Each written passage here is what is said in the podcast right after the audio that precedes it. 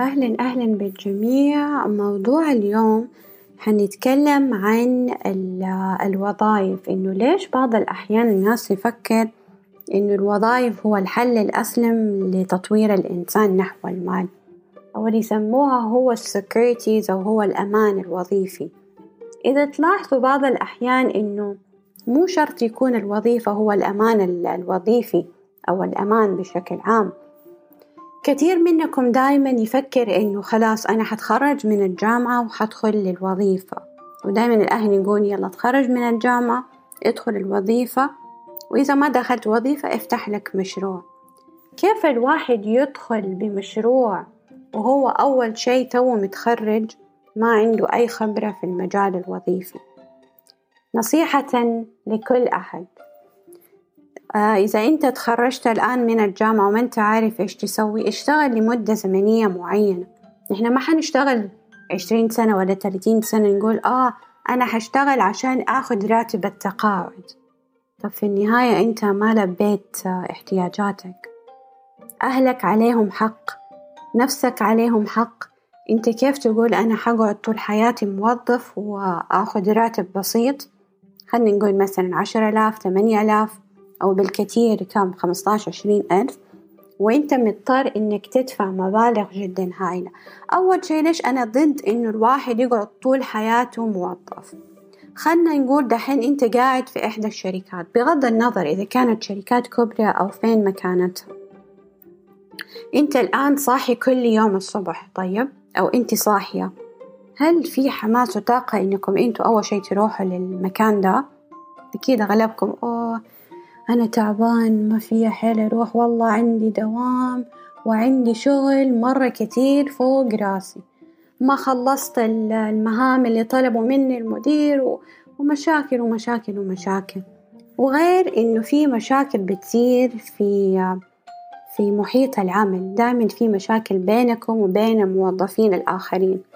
طبعا المشاكل يعني أكبرها وأولها هو غير إنه أنتوا ما بتندمجوا مع بعض كل واحد ليه أفكار معينة. هذا يبغى فكرته وهذا فكرته هو الصح وأنت فكرتك لا الصح فيصير مشاكل بينكم بين بعض. يعني حتى أفتكر لما اشتغلت فترة في التوظيف صراحة ما اندمجت مع كثير من الناس. يعني مش كلهم يعني في فئة مرة يعني صارت مشاكل بيني وبينهم خلاص. يعني أنت جاي تشوف نفسك علي ليش؟ أنت موظف وأنا موظفة جايين هنا عشان نقبض راتب ونكتسب خبرات وبعد كده خلاص نخلص يعني شغلنا ونرجع البيت. بس نحن ليش نقعد نشوف على بعض وعلى الآخرين أنا أحسن منك وأنت؟ وهو في النهاية أصلا يعني مش يعني بختاب يعني بلد معين أو شي بس أنت جاي من بلدك عشان تاخذ لقمة عيشك. عشان تقدر تسدد لأهلك. بس تيجي أنت هنا تشوف نفسك عليا وتسوي مشاكل وعندك أصلا مشاكل الله يعلمها ما تعرف عنها مرتك وأنا شايفة أشياء ما يتشاف. بعدين في النهاية أقول خلاص اسكتي. خلاص هي أصلا يعني أنت جاية مدة معينة عشان تاخدي شهادة الجامعة وعندك تدريب وخلاص كملي المدة اللي طالبينها الجامعة وخلاص. يعني في النهاية قعدت أقول لنفسي الله يعين الموظفين اللي قاعدين طول حياتهم على هذا الضغط والستريس. وغير التنافس آه، كمان على الترقي. يعني في ناس تفكر إنه إذا أنا ترقيت ودخلت آه، يعني المنصب العالي حكون إنسان يعني فظيع وما في زيي وأنا إنسان ناجح. طبعا أكيد في وراها سلبيات يعني مرة كتير. وخلينا بس ناخد فاصل صغير ونرجع لكم بعد الفاصل.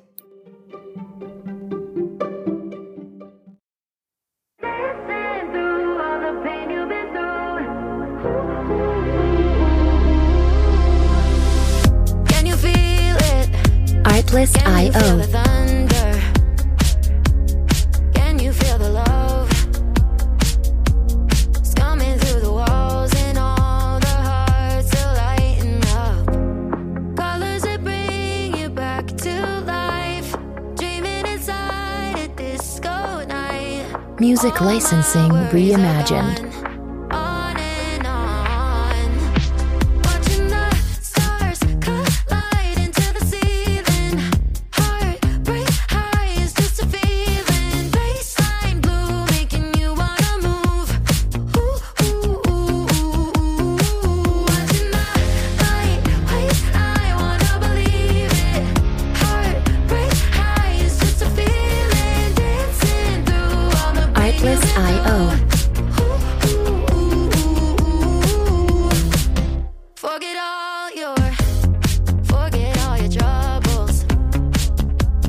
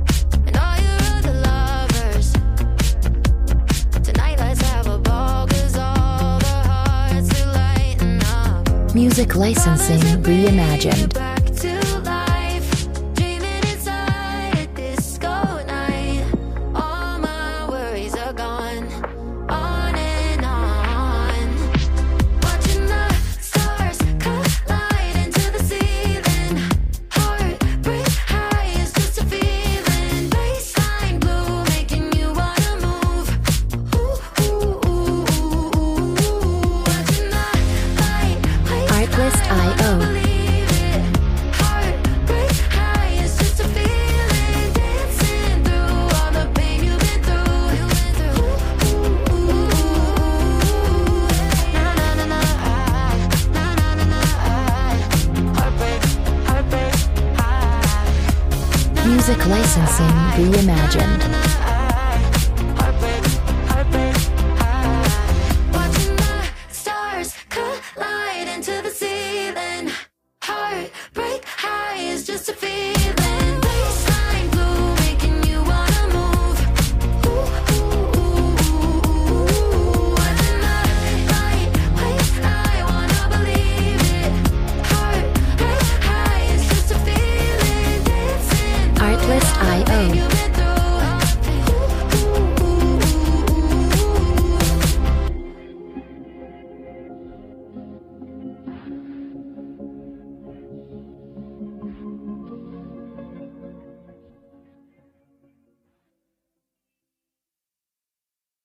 Music. آه، أهلا. طيب كنا بنتكلم قبل الفاصل عن معاناة الموظفين وليش أنا ما حبذ الواحد يقعد طول حياته كموظف نحن تكلمنا قبل فترة عن معاناة الموظف وفي أشياء كثيرة صراحة بتعيقوا نحو التطوير المالي الموظفين هم أكثر ضررا اللي بيدفعوا التزامات جدا هائلة. يعني يمكن الموظف ده اللي راتبه خلنا نقول كم تبغوا راتب؟ راتبه مثلا خمسطاشر ألف.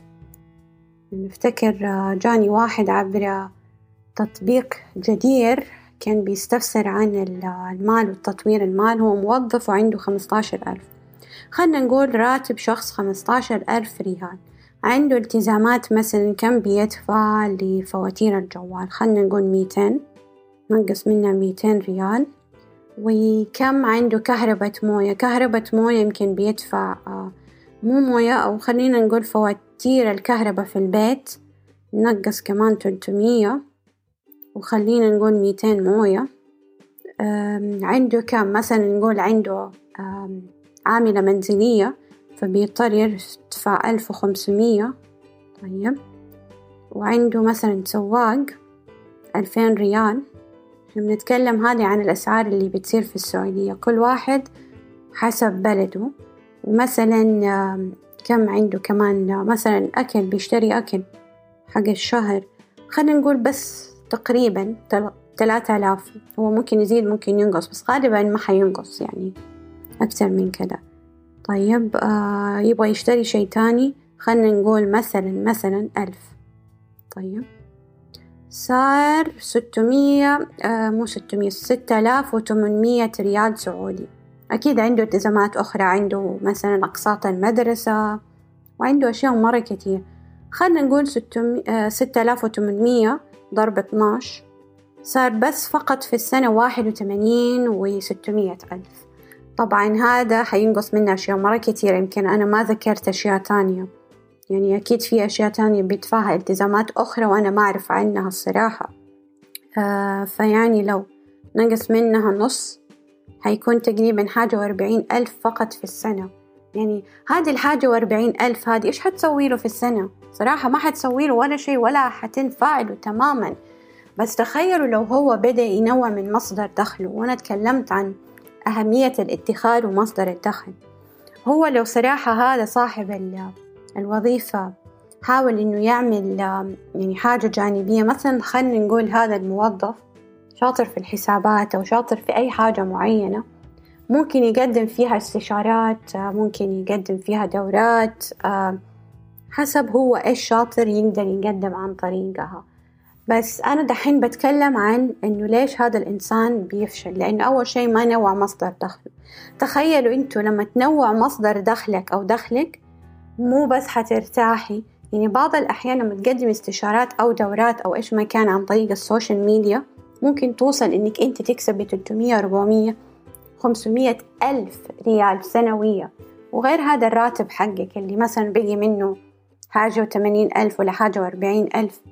يعني تخيلوا أنتوا بتضيعوا أشياء مرة كثيرة.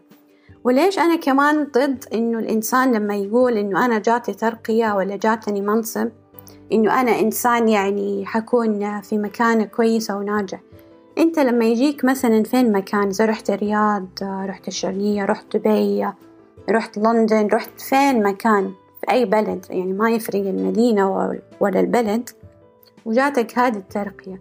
أنت لما تسافر بلد مو بلدك ما حتدفع أنت مثلا ونسيت أقولها كمان. إنك في بعض الناس ما يكون يمتلكوا بيت فيضطروا يدفعوا مبالغ هاي لإيجارات البيت. يمكن في الرياض أنا سمعت إنه زادت فوق الأربعين ألف أو حاجة وخمسين ألف ريال بس بيدفع هذا راتب مش راتب سوري إيجار البيت السنوي. وغير الالتزامات الأخرى اللي عنده سواق عنده أقساط مدارس وعنده أنت لما تروح مدن كبيرة زي الرياض أو زي زي مثلا دبي وغيرها بتدفع مبالغ هائلة. يعني ما بتتخيلوا قديش. وأكبر اثنين اللي بيدفعوا ضرائب جدا هائلة اللي هو الموظف وأصحاب المشاريع الصغيرة. ليش؟ يعني طبعا اللي عنده مشاريع كبيرة ولا شغال في العقار بيدفع ضرائب. بس أنت لما تتكلم واحد مثلا كسب من عقار أرض أو إيش مكان مثلا خلنا نقول عشرة مليون وهو دفع مثلا خلنا نقول مليون وميتين أو مليون ومعرف كم للحكومة ضرائب. في النهاية هو ما كسب ملايين يعني كلها مبلغ بسيط اللي هو حتى مش مليون وشيء لأنه خمسة في المية في السعودية أعتذر. آه، أقل من مليون بس تخيل يعني أنت بتدفع مبلغ بسيط الضرايب يعني زي كأنه ما عندك ضرايب أصلا من أصله. هذه واحدة من الأشياء. والأشياء اللي كمان ممكن يعني تعيق الإنسان هو كمان إنه أنت لما تقعد طول حياتك تقول إنه أنا حاخد الراتب التقاعد مرة واحدة قالت لي سارة في راتب تقاعد. قلت لها يا عزيزتي راتب التقاعد إيش حيسوي لك؟ لو مثلا أنا ما أعرف يعني أنا بعطي تقريبي أو أمثلة فأنا ما أعرف كم الآن راتب التقاعد. خلنا نقول مثلا راتب التقاعد خمسة آلاف ريال ولا ستة آلاف ريال شهريا. طب خمسة آلاف وستة ريال ولا ستة آلاف ريال شهريا؟ إيش حتسوي لك طوال السنة؟ إذا نحن تونا قلنا عنده التزامات جدا هايلة إذا أنت عشان تروحي ولا أنت ولا أنت تروحي السوبر ماركت بحد ذاته أنت بتشتري أشياء مرة بسيطة كل يمكن عشر أشياء يعني ممكن شيبسات بسكوت شاي أي حاجة يعني أشياء خفيفة بس بتدفع فوق الميتين تلتمية ريال. طب انت انت حتقضي للبيت يمكن انت لما حتتقاعد في عندك شخص في البيت معك مرتك مثلا عندك عامل منزل إنه في النهاية انت تبغى كمان تعيش مرتاح. ما تبغى يعني مرتك تعمل كل شيء ولا انت تعملي كل شيء لما تتقاعدي. تبي أحد يخدمك يساعدك في البيت. فهذه الأشياء اللي حتخلي الإنسان إنه راتب التقاعد ما حتسوي له شيء. بس تخيلي لو أنت قعدت مثلا خلنا نقول في الوظيفة أنا دائما أقول للناس اقعدوا بين أربع لخمس سنين. جمع قدر ما تقدر وحطه في استثمارات قوية مثل العقار. طبعا العقار صعب إنك تروح في البداية. ممكن أنت تروح في الأسهم والصناديق العقارية. وإذا عملت مصدر دخل تاني واشتغلت على شيء جانبي ما أنصح أنتوا يا أصحاب الموظفين تقولوا أنا خليني أفتح لي مشروع. تفتح مشروع كيف؟ إذا أنت إذا حتفكر تفتح مشروع طب أنت ما حتقدر تديره لأنه أنت عندك التزامات في الوظيفة. لو أنت خليت هذا المشروع يديره الموظف حياكلك ويخرب أم المشروع. ويلا أنت ممكن تروح فيها السجن وديون ومشاكل وغرامات. فليه؟ إذا أصحاب المشاريع الصغيرة دائما تلاحظ إنه عندنا صارت في السعودية مغلق. مغلق لأنه يا البلدية شافت شي مو كويس واضطرت إنها تقفل من حقها إنها تقفل أو إنه مثلا زي ما قلت الموظفين آه، آه، يحطوا منتجات آه، كيميائية ولا اللي يطبخ لك ومكان الطبخ. يعني جدا سيء. وأنت أنا موظف ويدوب عندي ساعة أقدر أشوف فيها يعني مشروعي ويلا تاخد على راسك. فصراحة يعني أنا أنصح الكل يقعدوا بين أربعة لخمس سنين جمعوا قدر ما تقدروا من الوظيفة ودوروا على مصدر دخل متنوع. فلما تنوع مصدر الدخل تقدروا تروحوا للصناديق العقارية وللأسهم. طبعا أنا الأسهم ذكرتها كتير لا تفكروا تبيعوا الأسهم تماما. بس قبل ما تدخل فكر أنت حتحط في أي شركات. فلا تحط شركات عليها ديون وعليها مشاكل وبعدين تقول أنت قلتي طيب لا. لا تبيعوا في الأسهم. طبعا لا تبيعوا بس أتأكد قبل ما تدخل في أي أسهم أنت حتحط. آه، الصناديق العقارية طبعا تقدر تبيع بعد سنتين ثلاثة لغاية ما تجمع ملايين. لأنه إذا أنت مثلا في الشغل الجانبي ده التاني اللي بتشتغل بيجيك 300 400 طبعا في ناس حتقول لي كيف؟ طب تجيني. تقدر تجيك إذا أنت أصلا لما تعطي دورات ولا تعطي استشارات زي مثلا المحاسب ما يقدر يعطي في كل شركة يحاسب كل شركة وياخد آه، خلنا نقول مثلا عشرين ثلاثين ألف. في النهاية أنت لما تضرب الثلاثين ألف ضرب كم؟ عشرة؟ عشر شركات أنت قاعد آه، تدير حساباتهم. حتقولي طب ما هذا حي حيضيع من آه، يعني أو حيخلي شغلي مش ممتاز يعني الوظيفة. لا أنت دور لك شغل يعني لما تشتغل فيها دور لك وقت محدد. يعني أنا أديكم مثال. زي مثلا الدوائر الحكومية ممكن يشتغلوا من ثمانية لإثنين أو اثنين ونص. طيب من من ساعة ثلاثة. خلنا نقول من الساعة خمسة. عندك خمسة ستة سبعة ثمانية تسعة. هذه خمس ساعات. أو خلنا نقول ساعتين. أنت الساعتين هذه ما تقدر يعني على الأقل تشوف حسابات الشركات. ساعة هنا وساعة هنا. ف يعني تشوف كذا شركة في اليوم. في النهاية أنت لما تراجع حسابات الشركة بالعكس. خلنا نقول مثلا مثلا أنت قاعد تدير هذه العشرة فأنت جمع مثلا في الويكند. خذ لك ساعتين ثلاثة دير شركات اللي أنت قاعد قاعد تراجع حساباتهم. أو ممكن تعمل دورات أو تعطي دورات حضورية أو دورات أونلاين. بالعكس أنت كده بتخدم نفسك وبترفع من اللهم صل وسلم من دخلك المالي. فنصيحة للكل إذا كنت موظف لا تفكر طول عمرك حتكون موظف. غير إنه أنت أصلا كمان يعني مقصر في حق أهلك. يعني أعرف ناس كتير بيقولوا طب أنا ما عندي تذكرة عشان أجي أزور أهلي. يكون هو في مدينة وما يقدر يزور أهله. يعني مرة في السنة يدوب لأنه يقول مرة يعني مكلف مكلف التيكتس. فإن شاء الله يعني إن شاء الله نشوفكم يوم من الأيام من رجال الأعمال أو ستات الأعمال الكبار آه، يكون عندكم عقارات وأسهم كبيرة وضخمة. وإذا حابين آه، يعني تتعلموا أكثر كيف تدخلوا عملت دورة موجودة في موقعي اللي هو عقول الأثرياء أو Udemy يعني ادخلوا عادي في أي واحدة من المنصات. هتلاقوا عاملة دورة مخصوصة للموظفين إنه كيف يحققوا الثراء من عدة خطوات بسيطة. نشوفكم إن شاء الله يا رب في أفضل حال ونراكم في الحلقات الجاية.